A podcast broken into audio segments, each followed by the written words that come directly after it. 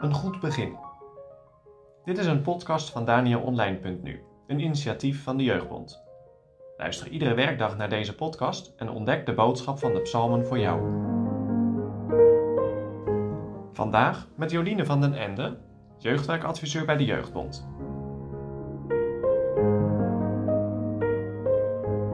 We lezen vandaag Psalm 34, vers 1 tot 12. De gelukkigste mensen op de aarde. Een psalm van David, als hij zijn gelaat veranderd had voor het aangezicht van Abimelech, die hem wegjoeg, dat hij doorging. Ik zal de Heere loven te aller tijd.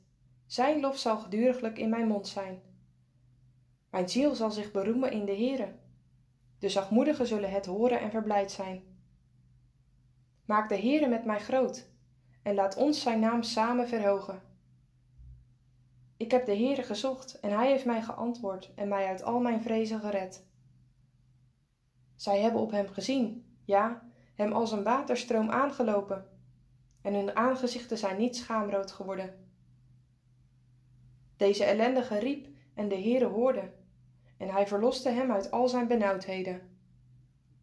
De engel des Heeren legert zich rondom degenen die hem vrezen en rukt hen uit. Smaakt en ziet dat de Heere goed is. Wel gelukzalig is de man die op hem betrouwt. Vrees de Heere, gij zijn heilige, want die hem vrezen hebben geen gebrek. De jonge leeuwen lijden armoede en hongeren, maar die de Heere zoeken, hebben geen gebrek aan enig goed. Komt, gij kinderen, hoort naar mij, ik zal u des Heere vrezen leren.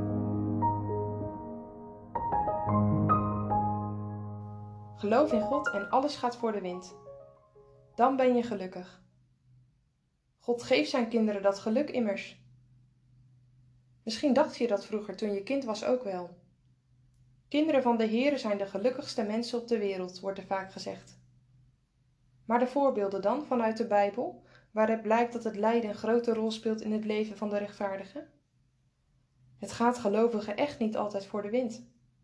Denk maar aan Asaf in Psalm 73. Bij hem ging het helemaal verkeerd. En intussen zag hij met nijdige ogen aan hoe dwazen hier op rozen gaan. Kijk eens hoe sommige van Gods kinderen verdrukt worden en soms zelfs gedood worden. Misschien ken jij ze ook wel. Mensen die heel dicht bij God leven en intussen zo moeilijk leven kennen. En dan lees je Psalm 34. Deze ellendige riep en de Heere hoorde. Hij verloste uit alle benauwdheden. De ogen des Heeren zijn op de rechtvaardigen en zijn oren tot hun geroep.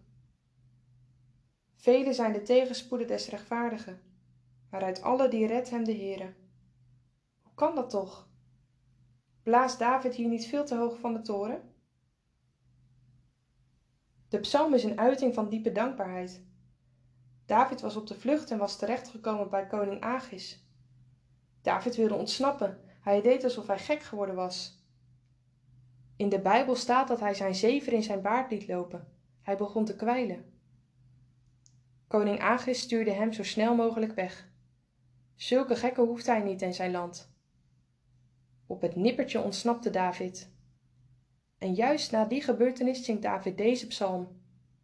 Hij looft de Heere. Hij schrijft zijn verlossing niet op zijn eigen rekening, maar hij wijst naar de Heere. Daarom wil hij hem voor altijd loven. Hij wil dat niet alleen doen, maar hij roept iedereen op om mee te zingen en God de eer te geven. Waarom dan? Omdat God David heeft geholpen. God heeft hem gered. Hij heeft zijn engelen geboden om David te beschermen. Misschien heb je dat ook wel eens ervaren in moeilijke omstandigheden. Je werd beschermd. Misschien heb je het wel eens gehoord van iemand die het zo moeilijk had, misschien wel in een rolstoel door het leven moet. Smaakt en ziet dat de Heere goed is. Ontroerend is dat. God is goed. Hij doet nooit iets verkeerd. Als het misgaat, komt dat door onze zonde. Bij Hem is er nooit gebrek. En vrees niet voor degene die het lichaam doden en de ziel niet kunnen doden. Bekijk in deze psalm in het hart van David. Hij kijkt overal overheen. Hij getuigt vol van het geloof en zingt over wie de Heere is. David heeft iets, nee, iemand om op terug te vallen. Hij heeft vaste grond onder zijn voeten. Daarom wil hij erover zingen en daarom wil hij het verder vertellen. Kom, kinderen, hoort naar mij. Luister eens mee wat God gedaan heeft. Daar kan je jaloers op worden. Vraag het eens aan mensen die aan het avondmaal geweest zijn. Vertel nog eens wie de Heer voor u is. Maar vertel zelf ook aan anderen wie de Heer is voor jou. Ooit zei een predikant bij ons in de kerk: Spreek maar elke dag groot van de koning. S'avonds mag je bij hem klagen. Nee, dan loop je misschien niet altijd met je hoofd in de wolken. Maar dan kan en mag je wel geloven dat ondanks alle tegenspoed zij uit alle rampen gered worden. Als deze redding niet in deze tijd realiteit wordt, dan zal het werkelijkheid worden op de jongste dag. Zijn de kinderen van de Heere de gelukkigste mensen op aarde?